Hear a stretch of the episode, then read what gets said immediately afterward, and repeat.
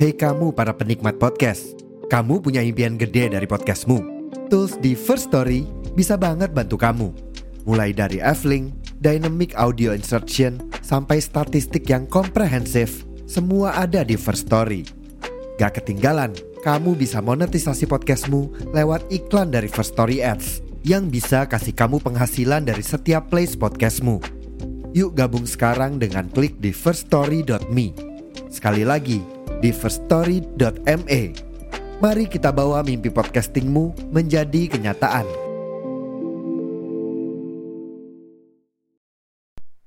Gua mau ngebahas soal isu yang lagi rame banget dibahas terutama menjelang pilpres atau bahkan katanya setiap pilpres alias lima tahun sekali, yaitu aksi kamisan dan dagang kamisan yang lagi rame di media sosial.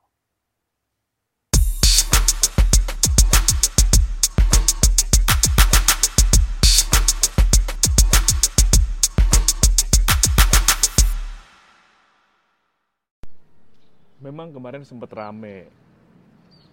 Ya ada yang bilang kalau kamisan itu dagangan politik setiap lima tahun sekali. Ya sebenarnya emang bukan lima tahun sekali, tapi setiap hari Kamis. Kalau lu lihat komen-komen yang ada di akun kompas.com untuk nanggepin video postingannya yang ngebahas interview sama Ibu Sumarsi, komennya itu emang cukup bikin kesel apalagi buat orang-orang yang emang ngikutin aksi kamisan dari lama. Tahu ada aksi kamisan. Itu pasti ketika baca komennya pertama kali tuh kesel banget. Gue juga begitu. Karena ada yang komen kan, Bu, dari dulu ke mana aja Bu? Bu, udah tua, istirahat main sama cucu di rumah. Bu, dibayar berapa sama paslon? Terus ya, Bu, kenapa nggak ngomong aja dari dulu? Bu, ikhlasin aja yang udah kejadian kejadian lah, yang penting all in Prabowo. Oke, kalau emang lu nggak tahu ada aksi kamisan, ya nggak apa-apa. Karena kemarin tuh gue pikir, oke, menurut gue ya, ada beberapa faktor yang membuat orang nggak tahu kalau aksi kamisan itu ada. Yang pertama, ya memang aksi kamisan itu nggak ditulis di buku sejarah. Karena itu aksi kesadaran untuk kita, untuk masyarakat tuh nanya kepastian anak saya di mana, keadaannya seperti apa, bagaimana kondisinya sekarang. Ya memang, gue juga tahu aksi kamisan itu enggak dari buku sejarah, tapi gue cari tahu apa. Gue lupa cari tahu apa, tapi seingat gue pertama kali gue tahu itu dari lihat cuplikan special show-nya Bang Panji yang ngebahas cerita Mei 98 yang ketika Bang Panji bilang, oh masih ada orang tua yang mempertanyakan anaknya di mana, keadaannya gimana, karena lu bayangin anaknya pamit keluar untuk kuliah tapi nggak pernah balik, nggak pernah tahu keadaannya sekarang gimana. Dari 98 sampai sekarang setiap sore berdiri jam 4 sore sampai jam 5 sore depan istana negara istana merdeka nanyain anak saya di mana? Keadaannya seperti apa sekarang? Dan itu terus dilakuin dari 2007 ya memang itu emang nggak terus di buku sejarah harus gue akuin. Makanya kalau menurut gue buku sejarah sekolah harus ditambahkan informasi yang kayak gitu kenapa karena untuk menjaga kesadaran akan apa yang pernah terjadi di masa lalu biar nggak terjadi lagi di masa depan. Lu sempet tahu kan akun aksi kamisan di Twitter itu hilang. Tapi emang kalau diperhatiin tuh ada aksi kamisan hurufnya kecil semua sama aksi kamisan hanya besar ke hanya besar. Ini gue sempat baca tweetnya Mbak Najwa. Kalau ini berarti tiga hari lalu ini direkam tanggal 20 kan. Yang bilang aksi kamisan akunnya nggak bisa diretas. Eh sorry nggak bisa dibuka nggak tahu ke mana ya sempat ada hoax beredar kalau akunnya ada perbaikan dan butuh maintenance 72 jam dan nggak lama ini 17 tanggal 18 atau 17 nya juga ada juga aksi at kamisan at a, aksi kamisan A besar K besar. Akunnya sama cuma nggak ada foto profilnya. Followersnya juga 64 ribu kalau nggak salah. Dari akun 2013 bikinnya. Ya mungkin juga kita harus cari tahu lah memang bener yang hilang itu aksi kamisan yang mana akunnya. Kalau memang bener aksi kamisan yang asli yang hilang kemarin dan udah sempat balik lagi ya bisa dipertanyakan kok bisa hilang? Ke mana akunnya? Emang bener akun yang asli? Karena memang taruhannya ya besar apalagi mengingat isu akun hilang akun ini hilangnya tanggal 17 sehari sebelum 17 tahun aksi kamisan. Istilah dagang kamisan lima tahun sekali juga rame karena salah satu tim sesnya nomor dua si Zade Hendrik ya bilang dia nggak pernah ikut aksi kamisan dia nggak pernah dagang kamisan. Oke, faktor kedua kenapa banyak orang yang belum tahu aksi kamisan karena menurut media ini bukan aksi yang atau bukan sesuatu yang bisa menaikkan rating mereka atau ya membuat engage dengan mereka.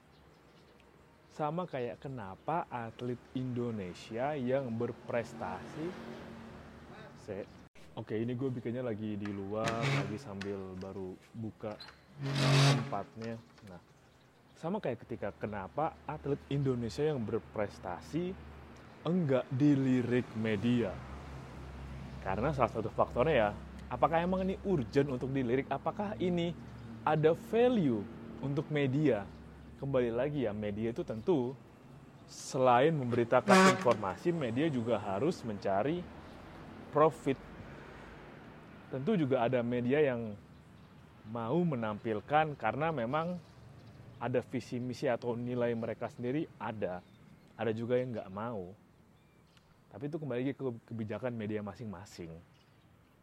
Faktor ketiga adalah kita yang kurang mencari tahu soal sejarah kenapa dikembalikan ke kita karena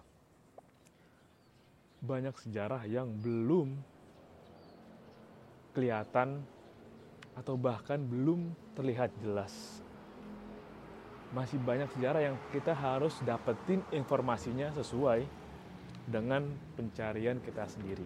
Kita yang usahain sendiri, gampang ya. Kayak misalkan Trisakti, gue aja kemarin waktu ke Museum Trisakti ya, gue cari tahu sendiri. Gue datang ke sana, gue lihat museumnya, gue lihat barang-barang bersejarah yang ada di sana. Meskipun memang kalau mau ke museum Trisakti harusnya hari biasa tapi karena kemarin hari Sabtu ya boleh mengintip dari luar lah. Bekas pelurunya juga masih ada. Ketika kemarin aksi kamisan pun ya gue harus inisiatif ke diri gue sendiri. Gerak duluan. Nih mas. Cari tahu akses untuk ke istananya gimana turun di stasiun apa jalannya ke mana terus mesti ngapain aja terus berbaurnya gimana. Itu gue yang harus cari tahu sendiri. Dan yang terakhir ya faktor kenapa banyak orang yang belum tahu soal aksi kamisan karena menurut orang ini bukan sesuatu yang urgent dan penting. Ini hal yang subjektif karena memang kebutuhan orang masing-masing beda-beda. Dan juga apakah ini dekat dengan mereka? Terus kenapa mereka harus turut serta kalau memang mereka harus mengurusi kehidupan mereka sendiri? Gue bisa ngerti dan gue juga suka bilang kalau emang titik eh bukan. Kalau titik perjuangan dan perubahan itu memang ada di peran mahasiswa pelajar bahkan. Karena ketika di usia segitu belum ada tanggung jawab yang banyak dan berat untuk kehidupan mereka sendiri. Kehidupan mahasiswa kan masih sekolah ke kampus belajar organisasi mengambil peran di masyarakat lewat KKN mengenal masyarakat seperti apa lewat KKN lo yang harus mencari uang sendiri harus hidup mandiri. Memang ada yang mahasiswa gitu tapi perannya bahwa ya pikiran mahasiswa dan pelajar masih bebas masih bisa kritis masih bisa mencari tahu masih punya banyak waktu untuk memperhatikan mengamati sosial mereka. Jadi kalau emang lu yang dengerin masih pelajar masih mahasiswa kalau memang ada waktu untuk memikirkan atau mengikuti isu sosial harus dilakuin. Karena emang benar titik perubahannya ada di mahasiswa bukan di orang-orang yang ada kayak gue peran kita ya ketika lu udah lulus sekolah perannya harus lebih ke di belakang layarnya lebih ke bantu untuk support moral, bahkan support finansial, support untuk kegiatan, membantu memasarkan. Karena ya harus doakan harus fakta sih. Kalau memang ya, gue juga suka ngobrol sama beberapa temen gue. Ya waktunya udah untuk keluarga kecil, mempersiapkan keluarga masa depan, untuk bayar rumah, bayar cicilan. Jadi ya waktu untuk berpikir kritis tuh sudah tersita untuk kebutuhan kehidupan pribadi. Makanya ketika masih mahasiswa yang dibutuhkan adalah aktifnya cari taunya. Makanya gue saranin kalau lu dikasih privilege untuk kuliah jangan hanya kuliah pulang kuliah pulang. Tapi kuliah cari tahu hal lain terutama ya terkait sejarah terkait perjuangan atau terkait hal-hal baik yang bisa kita cari tahu dan berprestasi untuk Indonesia. Kayak cari tahu orang-orang Indonesia yang punya prestasi di luar negeri atau bahkan mencari prestasi sendiri. Karena emang sedih juga sih kalau perhatiin anak muda tuh banyak yang buang waktunya pakai main game lah yang main game berlebihan nongkrong nggak jelas nggak ngobrol apa cuma main game, main HP masing-masing. Kalau emang mau nongkrong ya seperlunya. Dan kalau bisa ya tetap manfaatin waktu luang untuk eksplorasi banyak hal. Biar kalau udah lulus nanti nggak bingung ngutang lantung nggak tahu mau ngapain nggak tahu ke mana nggak tahu mau perjuangin apa. Karena menjadi orang dewasa itu banyak dengan tanggung jawab itu empat faktor yang kenapa banyak yang nggak tahu aksi kamisan. Dan juga itu aksinya kejadiannya di Jakarta. Kemarin gue juga sempat pas ikut aksi kamisan di Malang gue sempat denger di beberapa daerah di Indonesia pun ada yang ngelakuin aksinya. Dua orang sendirian. Itu gue sangat hormat sekali menghargai sekali. Karena itu tadi isunya memang bukan untuk semua orang tapi kita sebagai bagian dari masyarakat harus menurut gue harus mau mengawasi dan mengamati. Oke sudah sampai mana nih? Ini setiap hari Kamis sudah 802 kali. Mau ke mana aja? Mana? Progresnya apa? Emang dulu pernah sekali diundang ke istana habis itu ya udah habis itu hilang saran gue adalah ketika lu baca komen-komen di akun TikTok yang lu sedih gak sih? Aku tuh sedih tau gue nggak tahu ya ini gue suka selalu bilang jangan pernah nunjukin kenyataan kalau orang Indonesia itu punya IQ 70 kemarin ada risetnya kan yang bilang kalau rata-rata IQ orang Indonesia itu ada di angka 70 jangan tunjukin. Kalau di komen tuh pikir dulu pikir gitu. Satu detik dua detik semenit bahkan. Lu kan punya waktu 24 jam nih.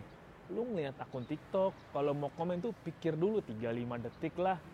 Ketik hapus ketik hapus lah. Sampai kemarin tuh ada komen yang menurut gua tololnya tuh udah ultimate. Ada video Ibu Suciwati ngomong mengenai aksi kamisan kan? Dan ada yang komen ibu siapanya? Bapak Munir ya? Terus aduh anjing anjing. Ini ada keterangannya. Ada fuck man gue nggak tahu. Mungkin emang lu yang nggak cari tahu lu yang nggak pemikirannya nyampe lu yang nggak teredukasi atau memang lu sebenarnya tahu tapi nggak mau baca dulu bro itu sampai akun teksnya dari HI apa internasional IN apa gitu dia bilang ibu siapanya ya terus ada yang komen juga loh Ngapain kita dengerin kata-kata ibu? Lebih baik kita dengar kata-kata dari korban penculikannya lah. Mana korban di sini mau ngomong? Korbannya aja nggak ketemu, belum tahu keadaan sampai sekarang. Terus diminta, ditanya lah. Kan dicari kan mahasiswa yang hilang, terus belum ketemu. Masa suruh di suruh nanya ke mereka? Pola pikir yang aduh anjing lo kalau aduh jangan aduh gimana ya bilangnya ya jangan tunjukin kalau emang IQ 70 tuh bener jangan malu lah lu punya negara yang luas kekayaannya banyak satwanya beragam flora faunanya kaya banget. Tapi IQ masyarakat 70 sedih tau. Asli. Ibarat kata tuh lu punya mobil Ferrari nih. Lu punya privilege mobil Ferrari lah. Tapi skill nyetir lu kayak skill apa skill nyetir kendaraan ugal-ugalan gitu kayak beca India. Lu punya Lamborghini? Katakan Lamborghini Aventador lah. Terus skill nyetir lu kayak skill nyetir bajai India men. Lamborghini yang dibikin setiap detail dengan kecantikan dengan seni. Waduh bro. Malu bro kalau bicara soal tim ses 02 yang ya lu tahu kan tim ses 02 yang kemarin bilang oh ini aksi dagang lima tahun nih. Dari dulu ke mana aja kok? Setiap lima tahun baru diangkat. Ya jawaban pertama memang orang yang terduga mengajukan. Makanya isunya naik lagi setiap lima tahun. Ya kan? Yang terduga loh. Jadi kalau ngelihat gitu uh, terduga terduganya tuh ya itu setiap lima tahun dan yang kedua ya namanya tim ses tim ses kan memang harus berjuang biar yang diusung itu berhasil caranya gimana ya kesepakatannya aja kayak kayak apa toh namanya juga tim ses kan memang harus berhasil. Ibarat kata ya bagaimanapun caranya, yang saya junjung harus menang. Tapi itu memang berat sih. Berat. Berat untuk kita tahu ini isu yang belum selesai, isu yang bisa dibilang nggak cuma lima tahun sekali tapi setiap Kamis karena berat loh untuk konsisten 802 kali setiap Kamis mempertanyakan anak saya di mana. Dan kalau emang dirasain yap orang tua yang kehilangan anak itu dukanya lebih lama dibanding anak yang kehilangan orang tua. Ini gue dengar dari mana ya kata-kata itu? Karena kalau orang tua yang kehilangan anak itu lukanya seumur hidup sampai orang tuanya meninggal. Tapi ketika anak yang kehilangan orang tua, ya maka ya tugas orang tua udah selesai jadi anak yang melanjutkan. Emang sakit, pasti sakit. Tapi peran orang tua udah selesai dan sekarang tugas anak yang melanjutkan. Karena memang ya ketika jadi orang tua perannya memang harus merawat anaknya sampai anaknya tuh siap menjalani kehidupan ketika anaknya udah pergi duluan sebelum mereka ya pasti sedih banget lah dan itu yang komen juga bu diikhlaskan bu bla bla bla.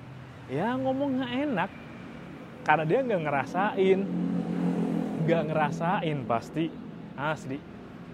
Ini aja gue tau pas Cing Abdel bilang kan pas Cing Abdel open mic latihan materi gitu beliau bilang gue di special show ke 54 gue pengen cerita bagaimana rasanya gue kehilangan anak gue. Karena lu bayangin ini ada batu nisan. Lu ngeliat nama anak lu dan namanya Bin itu nama lu. Lu masih hidup tapi nama lo udah ada di batu nisan sebagai nama bin. Gue bisa ngerasain karena gue punya temen dan teman gue ninggalin gue untuk selamanya di usia waktu kita 19 atau 20 usia yang nggak jauh beda lah dengan mahasiswa-mahasiswa yang belum ada kabar sampai sekarang usia-usia yang masih mencari jati diri, mengenal dirinya siapa, saya sukanya apa, saya aktifnya di mana aja, masih mencari tahu. Dan itu usia yang terang-terang ya untuk gue setelah ini mau ke mana ya, gue setelah ini ingin apa ya, gue mau jadi seperti apa ya. Usia-usia yang emas di masa muda, usia yang ketika lo berjuang, hasilnya bisa lo petik di 30-an sebelum 30-an ketika lo berjuang 20-an. Masa di mana ketika berjuang untuk lulus, lulus sekolah, atau lulus kuliah, baru kenal namanya cinta, berjuang untuk menciptakan karir, merintis wirausaha, dan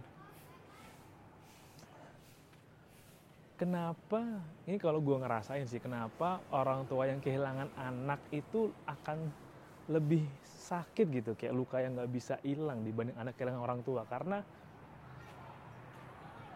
masa hidup orang tua bersama anaknya itu lebih lama dibanding masa anak yang hidup bersama orang tuanya. Harusnya misalkan harusnya kan ketika orang tua umur 24 lah anak lu setahun kan ya berarti ketika anak lu umur 20 lu usia 44 gitu.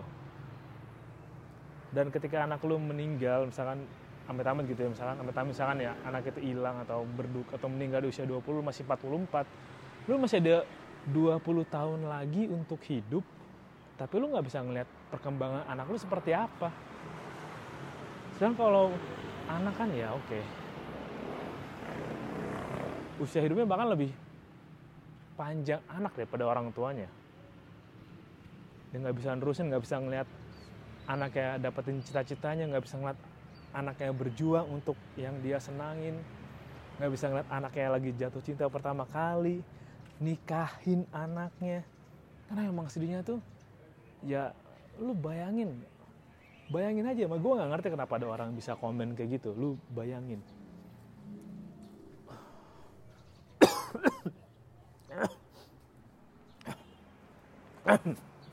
sorry.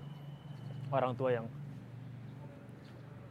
lahirin lu gendong lu waktu kecil nyuapin denger lu ngomong pertama kali denger lu belajar pertama kali dengerin celotehan lu yang pertama ngeliat lu belajar jalan mandiin lu nganterin lu masuk sekolah pertama kali nganterin beli seragam bantuin ngerjain PR, bantuin ngelengkapin tugas yang mesti dikumpul besok, nemenin ngambil rapot, nemenin lu ekskul, nganterin lu renang, nganterin lu study tour, ngeliat lu pertama kali jatuh cinta.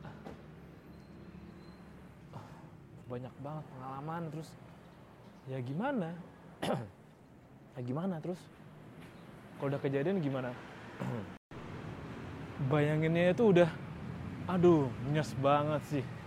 Nyes banget. Kok bisa bisanya ada yang komen kayak gitu? Bisa lo komen kayak gitu. Demi ngejunjung salah satu paslon. Ya memang sih yang junjung tuh lagi dalam fase puber politik. Tapi kan ya jangan kayak gitu banget lah. Masa lo nggak punya empati anjir? Masa lo kira itu isu politik buat lima tahun buat nyerang paslon. Lu nggak ngerti gue lu cari tahu lah jangan bikin malu negara sendiri jir lu yang dengerin masih muda. Kalau mau komen di media sosial dipikir dulu itu akan jadi jejak digital. Dan kalau lu ngedukung salah satu paslon tetap berusaha pakai akal sehat. Jangan tolol. Ya jangan tolol aja. Jangan tolol jangan apatis sama negara lu sendiri sama saudara sebangsa setanah air lu sendiri. Dan lu mesti ini buat gua juga. Gua belajar kalau apa yang terjadi di daerah juga gua harus ngerasain.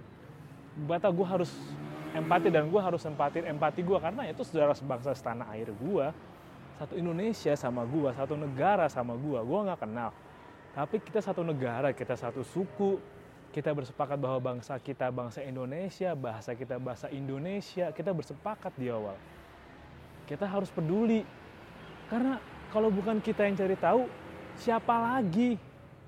Kalau bukan kita yang peduli, siapa lagi? Siapa coba? Kalau kita bukan yang bukan kita yang nerusin negara ini, siapa lagi? Sedih sih gue dengernya. Makanya, jangan diam, lawan kalau buat gue lawan. Kasih tahu. Aksi kamisan bukan aksi lima tahun sekali tapi setiap hari kamis. Kasih tahu. Kasih tahu terus. Jangan pernah menyerah untuk kasih tahu ke orang. Karena bagaimanapun ketika banyak orang yang tahu meskipun belum banyak orang yang akan peduli tapi seenggaknya pelan-pelan ayo kita sama-sama timbulkan kesadaran untuk cari tahu untuk mantau keadaan sampai permasalahan ini selesai. Terima kasih udah dengerin episode kali ini dan sampai jumpa di episode berikutnya.